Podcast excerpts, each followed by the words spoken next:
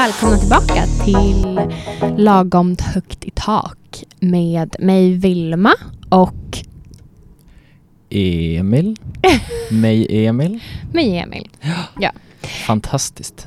Mm, I, liksom för att följa de senaste veckornas trend så är det även idag bara syskonen Wikström i studion. Ja visst. Även denna tisdag. Ett vinnande koncept. Ja, visst. Bara att fortsätta. Ja men Eh, roligt. ja. Roligt att vara tillbaks. Emil, eh, vad har hänt sen sist? Eh, ja, ganska lite. Jag har um, tappat bort mitt lägg. Mhm. Vart då? Eh, oklart, ingen aning. Nej. Det kommer jag aldrig få reda på heller. Du har inte lämnat in det mot ett spel på du- of vet du- vad som hände? Vet du vad som hände? Nej. Vi var... ehm, jag hade inte använt det på länge. Och eh, när jag sitter på bussen då, har köpt min biljett som en hederlig medborgare. Mhm. Så kommer en sån här väktare du vet, som kollar biljetterna. Så ingen plankar. Det har aldrig hänt mig. Nej men jag tror att det, du, vet du vad? Eh, det är, var inte vanligt. Det hände mig aldrig förut, typ. Och speciellt inte på lokalbussarna här i Umeå då. Ehm, men undrar om de gör någon jäkla razzia nu och bara liksom plocka varje buss. eh, för jag råkade ut för det typ två gånger de senaste två veckorna och det har aldrig hänt förut. Men i alla fall, vilken tur att jag hade köpt biljett. Onödigt dyrt annars, det är väl typ 1500 spänn eller något man får böta om det inte stämmer. Ja, jag tror det. Eh, I alla fall så, um, så kommer han ju och bara ja, biljett och lägg. Jag bara absolut, så här, inga konstigheter. Tar jag upp plånboken och bara ska fippla fram lägget och det fanns inget. Det fanns inget. Ehm, Skandal. nej, verkligen inte. Det Blev inte... det 1500 i böter? Nej, jag hade ju studentkort och allt sånt så det var lugnt. Mm. De hade överseende. Eh, men det var märkligt ändå. Eh, när man inte har någon aning. Man har ingen aning. Tänker senast man det. Jaha. Ja. Eh, har du märkt att du har blivit scammad på sistone? Scamma på vilket sätt? Någon har brutit sig in på dina konton och handlat en massa saker. Går det med lägget bara? Ja, man kan bes- beställa saker ju. Ja men vad fan. Jag Nej att- det har inte hänt men Men ehm, Alltså möjligtvis att jag har lagt det på någon jäkla bardisk någonstans. Mm. Eh, och ett ställe jag hade varit på var Orangeriet, sen hade jag varit på Zinkon och Jag tänkte bara, ja ah, det måste vara senast jag använde det. Så jag gick dit och kika direkt jag fattade att det var borta. Men då var det en vecka efter att jag hade varit där. Jag hade inte använt det. Eh, och då sa de att de hade skickat det till polisen i så fall. Eh, så i så fall får jag ju ett, ett brev antar jag eller någonting. Ja, Ja, jättetråkigt att prata om det här. Vi, nog om det. Ehm, verkligen. vad, vad har hänt eh, Vilma sen sist? Mm, jag har varit på 60-årsfest med eh, min sambo. Det var hans barndomskompis Gud, ni mamma. börjar bli gamla alltså. Han är inte så mycket äldre än mig. Ja, nej. nej men vi har, det var hans barndomskompis mamma som fyllde år. Just det. Jätte, jättetrevligt. Mhm. Eh, och sedan då dagen efter när vi kom hem efter eh, några dagsaktiviteter så fick, satt det ett kort instucket i våran dörr där det stod Vilma och Arash på. Och så öppnade vi det och såg att vi blev inbjudna till den här kompisens brorsa då. Han ska gifta sig i juni. Och vi blev inbjudna på hans bröllop. Jag ni, var, ni, var, ni var så trevliga på 60-årsfesten så att, Nej, ja, vi kan väl bjuda ett- dem på ett till. Så här, liksom. Jag ska inte gå in i detalj men ett, det var en överraskningsfest och för att ehm, de hade inte kunnat skicka ut inbjudningarna innan för att de eh, skulle kolla lokalen inför bröllop. Ja, oavsett så fick vi Okej, inbjudningen. jag fattar inte men ja. Eh, och ja, men i alla fall, jag känner mig så himla himla vuxen med att vi blev inbjudna på bröllop. Det är andra bröllopet vi går på tillsammans. Mhm. Och det känns som att det är nu, det här kommer att låta så cheesy, men det, det känns som att det är nu som vi skapar minnena som vi kommer ha gemensamma för Lol, resten av våra liv. ja, Ja, nej men det är klart, det är kul. är det inte fint?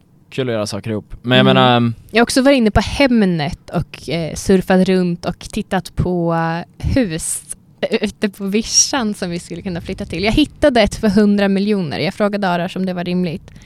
han tyckte att det borde ju då vara väldigt fint i alla fall. Eh, ja, eh, med tanke på att du extra jobbar på Angelini och pluggar journalistik så får du nu spara ett tag tror jag. Kanske. Mm. Ja men härligt!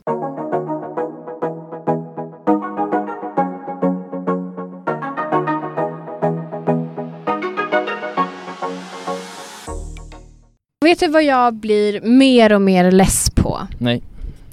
Det är, och det här kommer låta lite kontroversiellt i början, men vi har ju lagom högt i tak här. Mm, ja. Att man bara ska acceptera allting nytt. Särskilt om... Gör vi det då? eh, nej. Men det här um, PK-världen som vi lever i just nu ska man ju bara acceptera alla precis som de är. Och RFSU... Den är väl lite förbi dock. Lite, absolut. Men speciellt om RFSU tar upp det. Eller så här. Eh, med alla sexuella läggningar som finns ska man ju supporta dem. Och det är såklart jätte, jättebra att alla får älska och vara kära i precis vem de vill och ligga och så med vem som helst. Men på senaste tiden har... Men men, lugna ner er lite nu för helvete. Ja. Men på senaste tiden har jag sett ganska många videos på typ Instagram som bara kommer upp när jag scrollar i utforska eller Snapchat eller Youtube och sånt. Eh, ja. Eh, om att man ska kunna leva, eller personer som berättar att de lever i såna här um, fler personer förhållanden. Alltså tre, inte, inte ett monogamt förhållande utan typ tre personer. Och även, det kallas typ polyamori heter det enligt RFSUs ja, det är sinnessjukt. och det är inte så kallade öppna förhållanden. För det kan jag typ ändå så köpa, man vill inte vara i ett förhållande. Jag tycker att det är konstigt för det är typ det enda jag vill vara med Arash. Men folk som inte vill ha förhållanden kan ha öppna förhållanden och jada jada, absolut. Men just det här när man ska bestämma att nu är vi ett förhållande om tre personer. Mm. Och jag har oftast mest sett också att det är typ två tjejer och en kille. Jag, jag tror inte jag har sett något exempel på när det är två killar och en tjej. Nej. Ehm, spännande också. Det innebär ju då att han är hetero. Ja, Om alla tre är hetero, då innebär det att han har två flickvänner och ingenting annat. ja, Det blir så? precis. Ja. Och då tycker jag att eh, är man då kär i båda, Ja. oavsett hur så kommer man ju vara mer kär i någon av dem. Men det, det är väl lite det jag tror också. Eller kär, alltså, de- Men är också de så bara här, bra så här, polare typ? Och, på, RF, nej men alltså, på RFSUs hemsida står det i alla fall Är tvåsamhetsnormen egentligen för alla? Knappast. nej. Men vadå no- det är väl ingen norm? Det är väl... Ja, men det är det väl ändå. Att monogami är en norm. Om du säger att du är i ett förhållande så tänker jag ju att du är i ett Ja, förhållande med en person, inte med jo, fler. men, jo men det är ju mer än en norm menar jag. Jo, Det är ju en självklarhet. biologi va? Biologi för fan. Nej, men så här, jag fattar inte hur det här kan vara så accepterat och lik- likställas med någon form av läggning. Nej. För Nej han, men nej. Vad är då skillnaden mellan det här och månggifte till exempel, som i alla andra sammanhang skulle kallas för en religiös extremism? Mm. Alltså grov religiös eller typ sektliknande extremism. Mm. Det hör man ju om typ vissa extremer inom mormonkyrkan eller extrem islamism. Och kanske säkert förmodligen många andra ställen också. Men så här, det känns ju inte som ett superfräscht koncept. Nej, och just det här fallet, var det något specifikt fall det här eller? Inte just det här, nej. Det är Nej, bara att jag har sett en massa olika. Alright, alright. Jag tänkte annars om att det var att han, eh, mannen då i fråga, liksom, vet ni vad, alltså nu har ni tävlat om mig så jävla mycket och jag kan inte bestämma mig vem jag ska bli ihop med. Så Låt att jag, mig ligga med er båda. Nej men jag får väl testa då och vara ihop med båda så får vi se vem som är bäst typ. Mm. Alltså så här. men eh, Nej det är klart det är jävligt skevt men det finns ju också Men jag förstår inte- Ja. Varför ska det vara så accepterat i förhållandeform men så fort man börjar försöka gifta sig med båda då ska det vara någon form av extrem. ja, jag vet inte hur det är heller så att... Men eh, man, det är ju mot lagen, man får ju inte gifta Jo, sig. nej, nej, men vadå det är ju som att du skulle ligga med två personer, alltså det, det är som att du skulle eh, liksom dejta två personer samtidigt, det får du göra. Men samtidigt som de också dejtar varandra. Nej det är ju det som blir det konstiga då. ja. ja, det är lite skevt. Ja. Ja, märkligt. Det är jättekonstigt. Jag förstår inte så här, äh, vad är ett förhållande eller vad är inte ett förhållande? Egentligen, varför ska jag lägga mig i egentligen? Men jag förstår bara inte den grejen att det ska accepteras och det ska vara någon som form av nytänk och um, öppensinnighet när det egentligen Ja men är det är ju uppenbarligen, om vi snackar om norm, det är uppenbarligen ingen norm. Och det är ju jävligt konstigt. Sen om det är accepterat, absolut, så länge du inte gifter dig så är det ju uppenbarligen accepterat. Ja, Eller men om du, så om du skulle höra, bara, ah, du vet eh, den där killen, han har ju två flickvänner. Ja. Ja, det hade ju låtit sjukt. Men ja, om man det säger- är det jag menar. Och om man skulle säga den där killen, han har två fruar, det låter ju ännu mer extremt. Nej. Inte enligt mig. Men, men eh, enligt lagen är det ju så. Ja, men det är konstigt. har du sett de här Men det videorna? konstiga är, alltså det konstiga, Mm, det är klart att det är sjukt att vara ihop med två samtidigt. mm, Alltså om vi bara kollar ur hans perspektiv. mm. Det är sjukt att ha två flickvänner. Men det konstiga, alltså det, det finns ju folk som har två flickvänner. Och döljer det för Men då, dölj, då Ja. döljs det ju. Det handlar ju inte om att de också är ihop med varandra. Nej. Men så vet jag som sagt, så behöver det kanske inte vara då. Eftersom att då ska ju alla vara bisexuella. Ja, inte han då, men Ja, men jag tror att det handlar om att alla de lever tillsammans. Liksom. ja. Jag såg till och med ett exempel när, de, när Vore två kul med tre män? Skulle bli slagsmål. nej, men, Skulle det? ja, kanske. Men det har man väl hört också, fast nu är det väldigt mycket stereotyp. Men så här, det är många som är gay som snackar om att eh, monogamin inte in, liksom, gäller för dem. Oavsett så såg jag ett exempel där det var en tjej och en kille som hade ett barn. Och sen hade de typ bara, åh nej, och så blev vi kär i vår kompis. Vänta, nu hängde jag inte med. Vad sa du? Det var två, en tjej och en kille som Ja. hade ett barn tillsammans. ja, Ett litet barn, litet barn. bebis typ. Bebis. Och så bara, ja och så blev vi kär och så började vi hänga mycket med den här tjejen och så blev vi så, märkte vi som att alla vi var kära i varandra. Så har de ett barn med i bilden också. Mm. Nu kanske jag blir halshuggd av RFSU men jag tycker att det här är sjukt märkligt. Mm. De var här idag, såg du det? De är barnet. Nej. ja, Jag hänger ut några här som var här Gud, idag. såg, ja. Nej, nej men jag håller med. Gud, vi får skriva en, eh, du får, eller du får skriva en eh, din av- avhandling om något sånt här. Absolut. Ja men du, härligt. Har eh, du något att tillägga? Eh, nej, jag gärna... Har du hört talas om något sånt här par? Triple, tri, triplical? Nej, jag inte skulle gärna, skulle hemskt gärna göra det dock. Intervjua någon? Gud vad kul att sitta och prata med, med Om du känner någon, du som lyssnar, om du känner någon som lever i ett sånt här förhållande, ge dem mitt nummer. För det här är lite nytt också, du vet så här, alltid så här intressant att prata med meningsmotståndare Absolut. Eller typ, eh, jag vet inte fan vet jag, nazister eller kommunister. Så det, det är ju, men det är ju inte så, självklart är det kontroversiellt, Mm. men det finns ju ändå jävligt mycket liksom högerextrema och vänsterextrema och allt möjligt. Det, de är rätt Och, etablerade. och liksom i sakfrågor och liksom konkreta frågor så är det ju alltid folk som bara ja men det där är svinkonstigt hur man kan tänka sådär eller hur man kan tycka sådär. Eh, men det här är ju konstigt på något nytt sätt eftersom att det inte är så vanligt. Så Ja. det, hade det varit ännu mer intressant att, att få, få byta några ord. Men eh, Vi kanske kan få hit en av eh, Abu Bakr al-Baghdadis nu änkor. Han har ju mer än en, ja just så det. kanske man kan få Men där var inte de ihop med varandra, fruarna. Då är det inte intressant för mig. nej.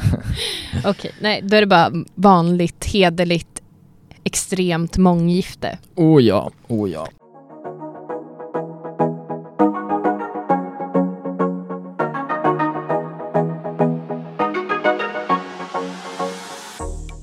Kör. Såg du eh, fotbollsgalan igår? Nej. Nej, det kunde jag nästan lista ut. Eh, men det gjorde jag. Jag har lite synpunkter. Okej. Eh, ja, bästa sändningstid, två timmar varje år på kommersiell TV. Så ser det ut. Väldigt ouppstyrt i allmänhet och borde inte räcka med Idrottsgalan i synnerhet. Eh, jag kollar varje år, inte för att jag får ut något av det eller tycker det är speciellt bra. Ändå skräll att du inte älskar Fotbollsgalan. Ja, men det är lite det jag kommer till. Eh, alltså man blir nästan alltid besviken liksom. Fotbollssnack i två timmar, att det liksom kan vara så tråkigt berör mig liksom ingen annanstans eh, än när det är dags för Fotbollsgalan. Jättefint när, när personer får pris och grejer, förstå mig, förstå mig rätt, men eh, ja, hur som helst. Okej. Eh, visst nämnde jag att det var ou- ouppstyrt? Hur som helst, jag kan säga det igen. Med ouppstyrt menar jag att Alltså jag menar inte att ordningen är märklig eller att programledarna är spretiga. Alltså jag menar mer än att, alltså pristagarna är liksom aldrig på plats. Ja men det kan jag ändå känna igen. Jag har inte tittat i år men jag har sett det förut. Det är ofta Ja, någon du vet- annan som tar emot priserna. Ja du vet, i år var liksom hela herrlandslaget på Cypern och drack drinkar, eller spelade fotboll, något av det. Eh, men i alla fall, bland herrarna skulle ju bästa målvakt, bästa back, mittfältare, anfallare respektive liksom bästa spelare få pris. Det guldbollen du vet. Just det. Som Zlatan har fått typ 250 gånger. Ehm, Mm. alltså skulle fyra priser delas ut på Cypern, där det var någon flygande, Frida Nordstrand var flygande där och, Ja. och tog intervjuer. Förberedda intervjuer såklart. Eh, nej men liksom, där satt alla killarna uppradade i något slags mögligt offentlig sektor konferensrum. Medan anfallspriset delades ut till Zlatan. Som bidrog med en eh, liksom förinspelad liten video från sitt vardagsrum i LA. Där hela videon speglade en, liksom, jag vill bara göra bort den här skiten-aura. Den såg jag faktiskt. Ja. Liksom, och han säger det liksom han alltid säger, att tro på dig själv och du du du du. Jag har haft ett skitår men. Ja, Tyckte jag Eller ja, jag kände igen. duktig. Ja, men ja.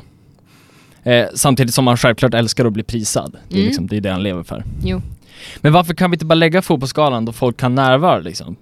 Jag förstår att man inte kan, alltså jag förstår att man inte kan anpassa sig efter att typ John Guidetti ska bli pappa eller är på träning med typ Alaves. Men eh, när hela jävla landslaget är på Cypern kan man väl avvakta en stund. Eh, istället satt liksom hela Djurgårdens lag som precis har tagit SM-guld satt där och bara hade på sig några konstiga guldkläder och inte fick något uttalande alls. Eller Bosse Andersson, sportchefen, sa några ord, men annars var det liksom ingenting. Eh, Var damlandslaget på plats? absolut, jag kommer till det. Skärmigt. Eh, här är vi inkluderande.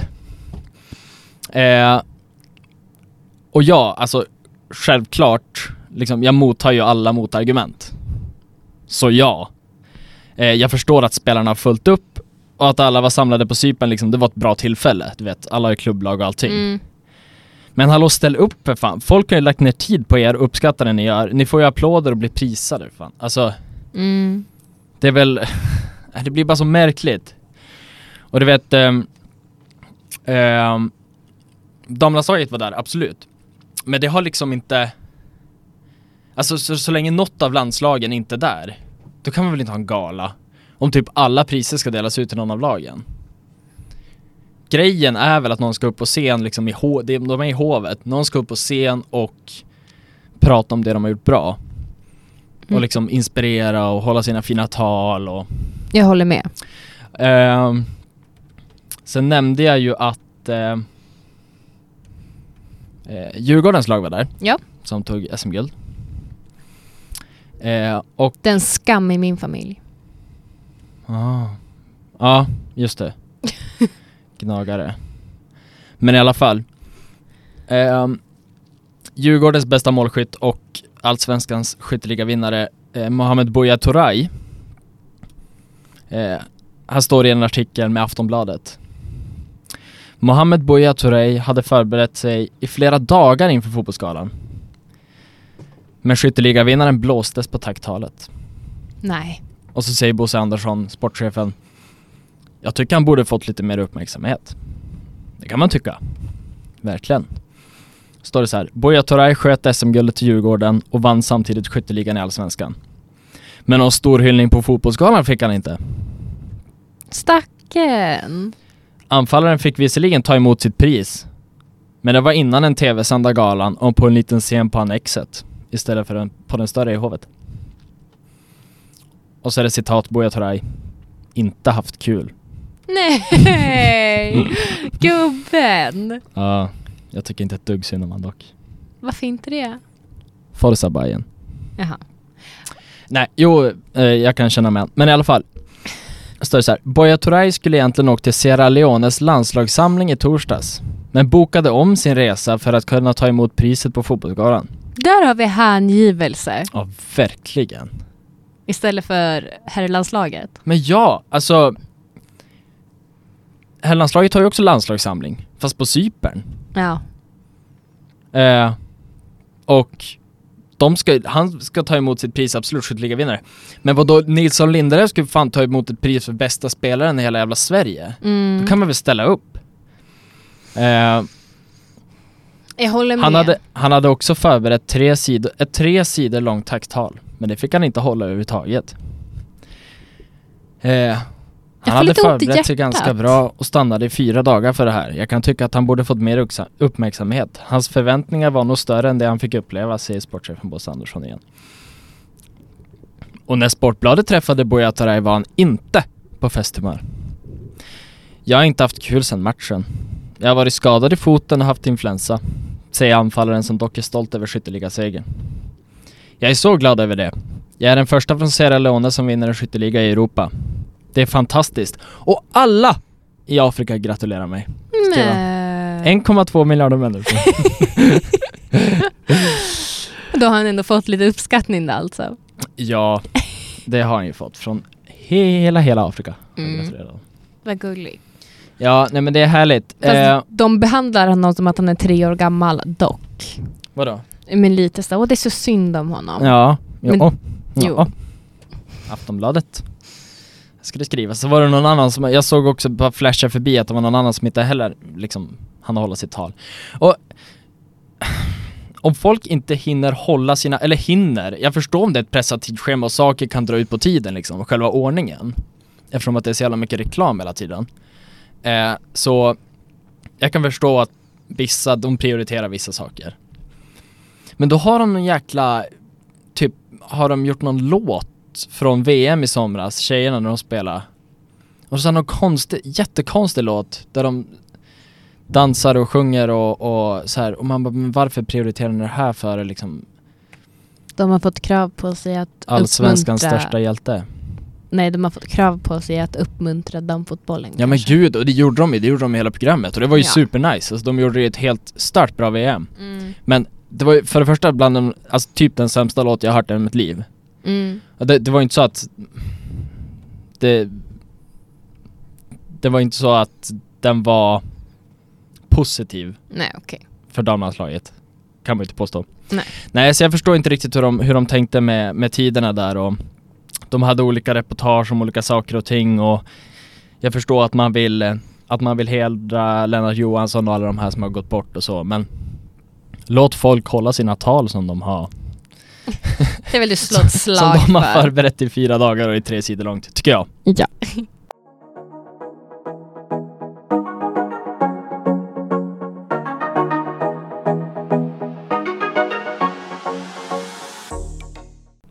Okej, eh, jag har lyssnat på, opin- eller tittat på Opinion Live, Mhm. senaste avsnittet vill jag minnas. Spännande. Om det som vi nämnde förra veckan. Och jag vill inte upprepa mig, men nu har jag lite mer kött på benen.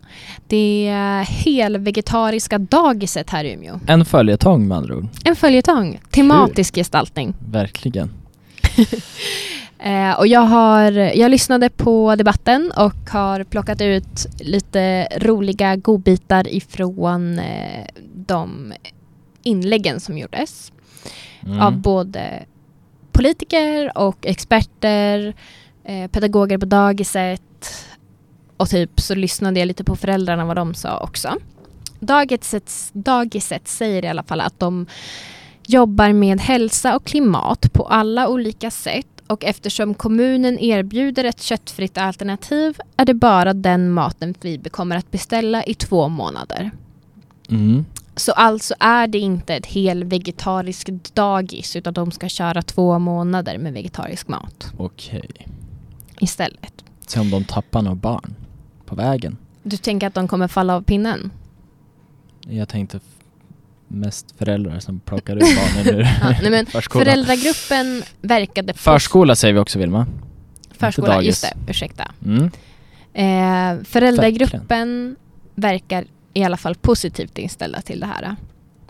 Eh, men de har i alla fall eh, bestämt tillsammans med förskoleledningen att de inte ska ha, eller de ska ha helvegetarisk kost som det som alla äter.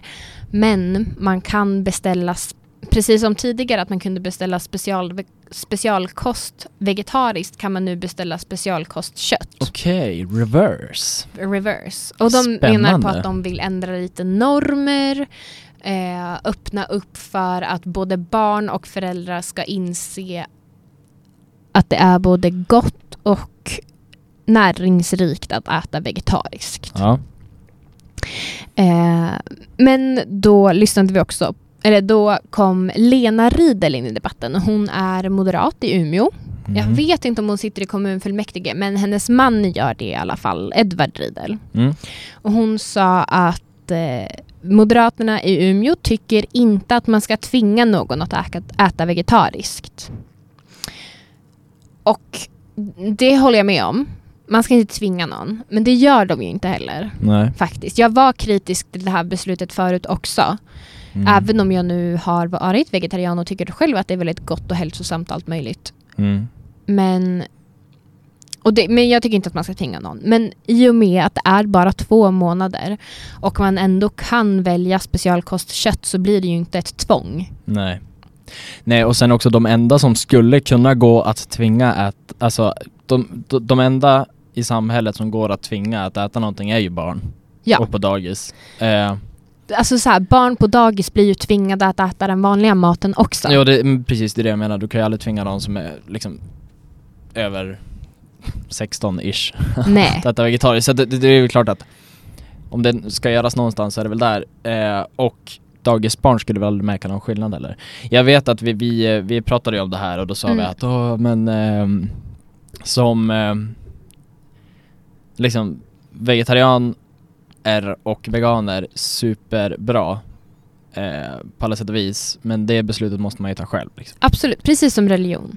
Men Ja. i alla fall så sa eh, skolan då, eller rektorn sa igen att men barn väljer ju ändå inte vad de ska äta. Och det är ju också helt sant att Mm. den, den liksom eh, matsedeln som publiceras ett år i förväg har de ju ändå ingen påverkan på vad det ska vara Nej. på den.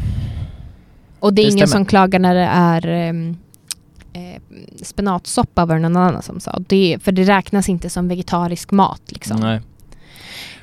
Och jag kan, jag kan känna, anledningen till att jag inte är vegetarian Mm. Det är att jag pallar bara inte begränsa mig. Alltså det kan ju låta hur Nej. töntigt som helst men det är liksom så här mat äter alla och behöver jag också äta och därför känner inte jag att jag vill begränsa mig när det gäller en sån grej. Eh, samtidigt som det är så bra. Men ehm, eh, ja, precis. Edvard Riedel då, Lenas eh, man, han, ha, han var inte med i debatten. Han har skrivit en text där han kritiserade det här beslutet, i alla fall, i Umeå. Eh, men han blev mordhotad av eh, ja, men meningsmotståndare och de som är för det här med vegetarisk mat. I alla fall. Det, var- det var ju tråkigt. Mm. Så jag vet inte om det var därför som Lena åkte dit eller om hon är lika insatt som Edvard i det här ämnet. Eller så var det bara någon som kommenterade bara, ska du dö eller? Ja, nej, hon sa att det hade påverkat hela familjen. Eller bara, du kommer dö av klimatkrisen så att eh, om du inte äter vegetariskt. Du kommer dö! Ja. Elin Söderberg från Miljöpartiet sa i alla fall att ser vi på den globala marknaden så måste vi äta mer vegetabiliskt. Vi vill att äldreboenden och andra kommunala verksamheter också ska följa efter. Mm. Det tycker jag är värre i så fall om äldreboenden ska börja, för då är det som att man blir förmyndare till de här äh, människorna som har förmodligen valt sin egen kost förut i livet. Ja. Det kan man inte göra. Ja, alltså förskola, varsågod, kör. Bara barnen är hälsosamma. Det roliga är att ett äldreboende Mm. skulle typ kunna gå och jämföra dem med typ en högstadieskola. Alltså hade du farit i en högstadieskola och bara nu ska ni bara äta vegetariskt, Mm. då hade det blivit ett jävla liv. Mm. På samma sätt som om du skulle gå till ett äldreboende och göra det. Mm. Jag har jobbat på äldreboendet, aldrig sett en vegetarian över 70 år. Nej, Det finns vissa som så här snackar lite om det och bara Ja, alltså man mår ju inte så bra av att äta kött hela tiden. Typ så. nej. Ingenting om klimatet. De ändrar inte kosten. Klimatet skiter de fullständigt i. Det handlar inte om det. Det är Nej, att De ah, ska ju dö snart också. Ja, ja, ja, 100%. Nej, men och... Eh, nej men jag, jag, alltså det här, man kan inte bli förmyndare över vuxna människor. Det går inte. Nej, det går inte. Nej, jag håller med. Man måste såklart få välja själv. Och speciellt när det, då, handlar det ju säkert om äldreboenden, liksom kommunala äldreboenden där det bor liksom dementa. Ja. Då blir det ju verkligen att, och självklart, på samma sätt där så styr du ju också, du som liksom hemtjänstpersonal eller vårdbiträde eller undersköterska, så bestämmer ju du i och för sig ganska mycket om vad de äter ändå. Mm. Men just att, ja, det blir väl mer speciellt om man liksom begränsar det till, till Mm. vegetarisk mat. Ja, ja. Det var ordföranden för eh, MUF i Västerbotten var också där. Okej. Eh, och hon sa faktiskt en väldigt bra sak tycker jag. Är inte det typ Riedels dotter eller något? Nej. Nej, det är det inte. Nej, okej. Eh, hon sa i alla fall att debatten om det här är väldigt onyanserad. Det stämmer ju inte att all vegetarisk mat är mer klimatsmart än kött, kyckling och viltkött. Nej, du För tänker om det- det är typ en, typ en älg som har blivit skjuten på dagisgården då eller? Nej, men viltkött är inte, har ingen pre- precis klimatpåverkan? Nej, sorry. klimatpåverkan. Och dessutom är ju korn exempelvis inte speciellt klimatsmart. Nej. Och svensk, och det var en eh, expert också, Åsa Lannhard, tror jag att man uttalar hennes efternamn. Hon sa så här. Hur vi än äter kan vi inte ta bort vår klimatpåverkan helt. Det svenska köttet uppfyller dessutom alla krav på klimatsmart, klimatsmart mat. Till exempel. Men runt om, i väg, runt om i världen är det inte så. Man måste även påverka de, ve- påverka de vegetariska alternativen. Alltså som corn till exempel. Mm. Det känns som att äter man svenskt kött som uppenbarligen uppfyller alla klimatsmartskrav så kanske man är fine. Mm. Då måste väl dagis, nej, förskola bara budgetera för liksom närproducerad mat i så fall. Ja. Nej, verkligen. Det, alltså det, jag tror att faktiskt att det mesta handlar om närproducerat. Mm. Eh, självklart med alla metangaser och allt sånt där, men jag menar liksom det är sån jäkla skillnad att köpa en köttbit från Brasilien och köpa den från liksom ute här i, Ja, i Brattby liksom. eller hur? Eh, och det är en sån jäkla skillnad att köpa den från bara Danmark Mm. och eh, ja, i liksom Gubböle. gubbar. Ja. Stämmer. En pedagog från eh, förskolan avslutade i alla fall debatten med att säga att eh, de inte står bakom mordhoten mot Edvard Riedel. Snyggt. Det var skönt att höra. Ja, jag står, jag står bakom dem lite. Jag tycker han verkar ganska dryg. Men ja. Vad hemskt. Nej, alltså jag vill inte att han ska dö men. Nej. Men lite förstår. hot! Okej, tack för mig.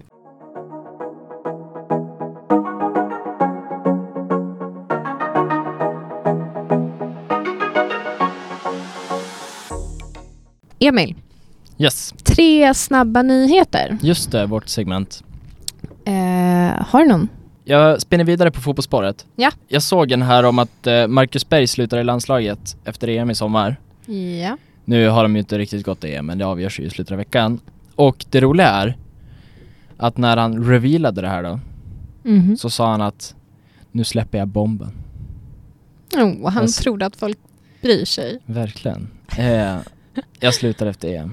För det första, en Ah. bomb, det är väl något oväntat. Sant. Det är ju verkligen inte oväntat. Han är typ 33. Förutom i Malmö idag. Ja, just det. Just det. Två bomber finns Inte det. så oväntat. Nej, Tyvärr. tydligen inte. Men ja, nej men du vet, det ska vara oväntat och det är det ju inte. Han är typ 33 och superdålig så att det är klart att han ska sluta. Och sen liksom en bomb och han säger det på det sättet att nu kommer folk, nu. Jäklar nu blir de ledsna här. Kommer ödelägga Sverige. Men det är väl typ det enda folk har velat sen VM 2018 att han ska sluta. Så att, eh, ja, det var den. eh, ja. Men Har du du, ja. Det växande gängvåldet har visat sig igen. Ah. Mer än en gång den senaste veckan. Mhm. Men våra politiker tar det som vanligt inte så seriöst som de skulle ha gjort om det handlat om deras egna barn. Nej, För de bor på rätt sida tullarna. okej. Okej. Samtidigt så, Vem har bestämt att det är rätt då? det, på insidan tullarna. Den lugna delen av tullen. Ja, Just det. Ja. elitsidan. Mm. 21-årig man, har miss, man misstänks ha oprovocerat attackerat en kvinna med en planka i Malmö. Kan det vara gängrelaterat?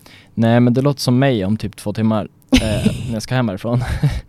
jag kommer att vara less då för jag varit här så länge och jobbar med en väldigt jobbig uppgift som vi har. Ja. Eh, laguppgift som är, som är Gud vad skönt att man inte läser juridik. Mhm, Verkligen. Uh. Okej, jag har en till. Rysningar. Eh, Socialdemokraterna har börjat lägga sig i sina förtroendevaldas kärleksliv. Fräscht. Eh, ja. Det vill Det beror på hur säga mycket de la sig i.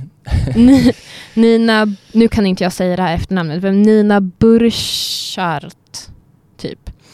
Fick Ah, lämna okej. sin, alla sina uppdrag i partiet för att hon blev kär i en politiker från ett annat parti, parti det vill Mm. säga Sverigedemokraterna.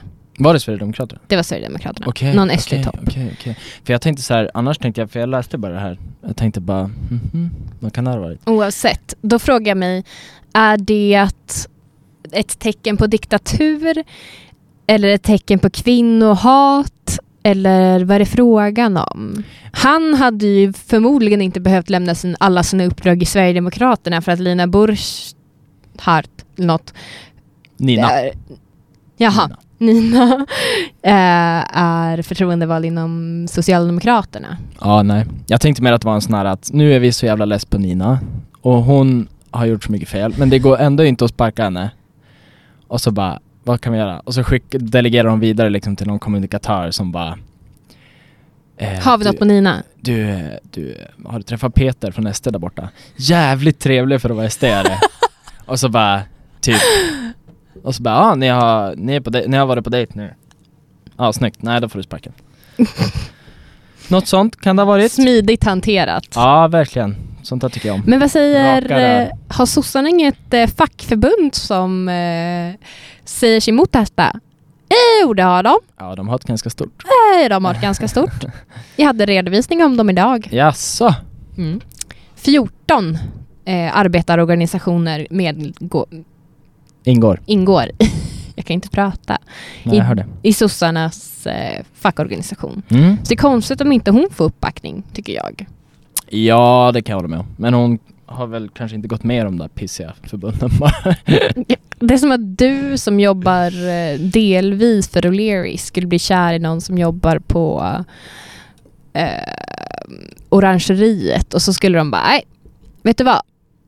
Det här blir inget mer bar för dig här va? Mm, just det, okej, okej, okej, okej. Jag tänker så. Så vet jag inte riktigt om... Vad händer i veckan Emil? Nu lämnar vi Nina. Åh, vad händer i veckan? Jag ska ta hand och ta tag i mitt liv, min samvaro. Hur då? Eh, jag ska städa. Mm. Eh, Bädda sängen? jag ska vara trevlig mot mina vänner. Mm. Ska ta tag i det sociala. Jättegärna. Eh, jag ska ehm, arbeta med saker som får mig att känna mig bra. Är det, ska du på bootcamp för självkänslan? Eller? Nej, jag ska ligga i min säng i min etta och inte göra ett piss. Okej. Nej, nej men vi får se. Eh, jag ska väl göra saker som, som eh, är nödvändiga så att man inte får ångest. Mm. Själv då? Jag tänkte titta på debatten om EU i eh, riksdagen i Aha. morgon. Spännande. Såg jag ett Instagram-inlägg om att Ebba Busch Thor förbereder sig för fullt. EBT. EBT, hon var ju här i Umeå i veckan. Jajamän.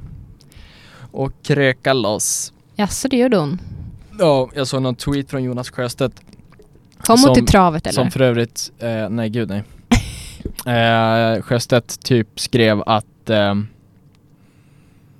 han tog bild på den här nya metoo-puman vi har på torget. Mm. Eh, och så skrev han typ se upp eh, ikväll, många kristdemokrater på stan typ.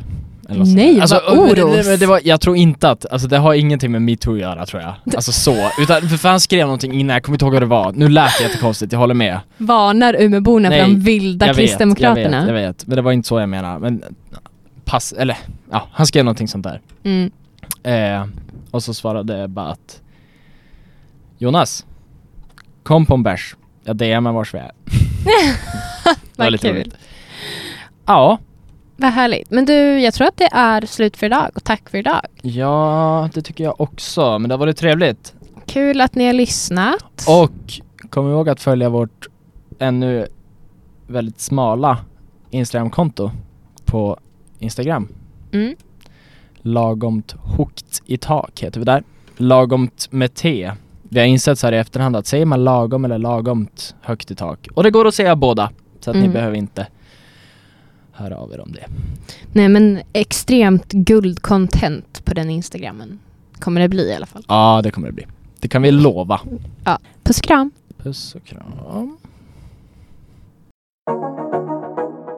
Det här programmet är en poddversion av livesändningen Lagom högt i tak. Ni kan lyssna på oss klockan 17.00 varje tisdag på umiastudentradio.se.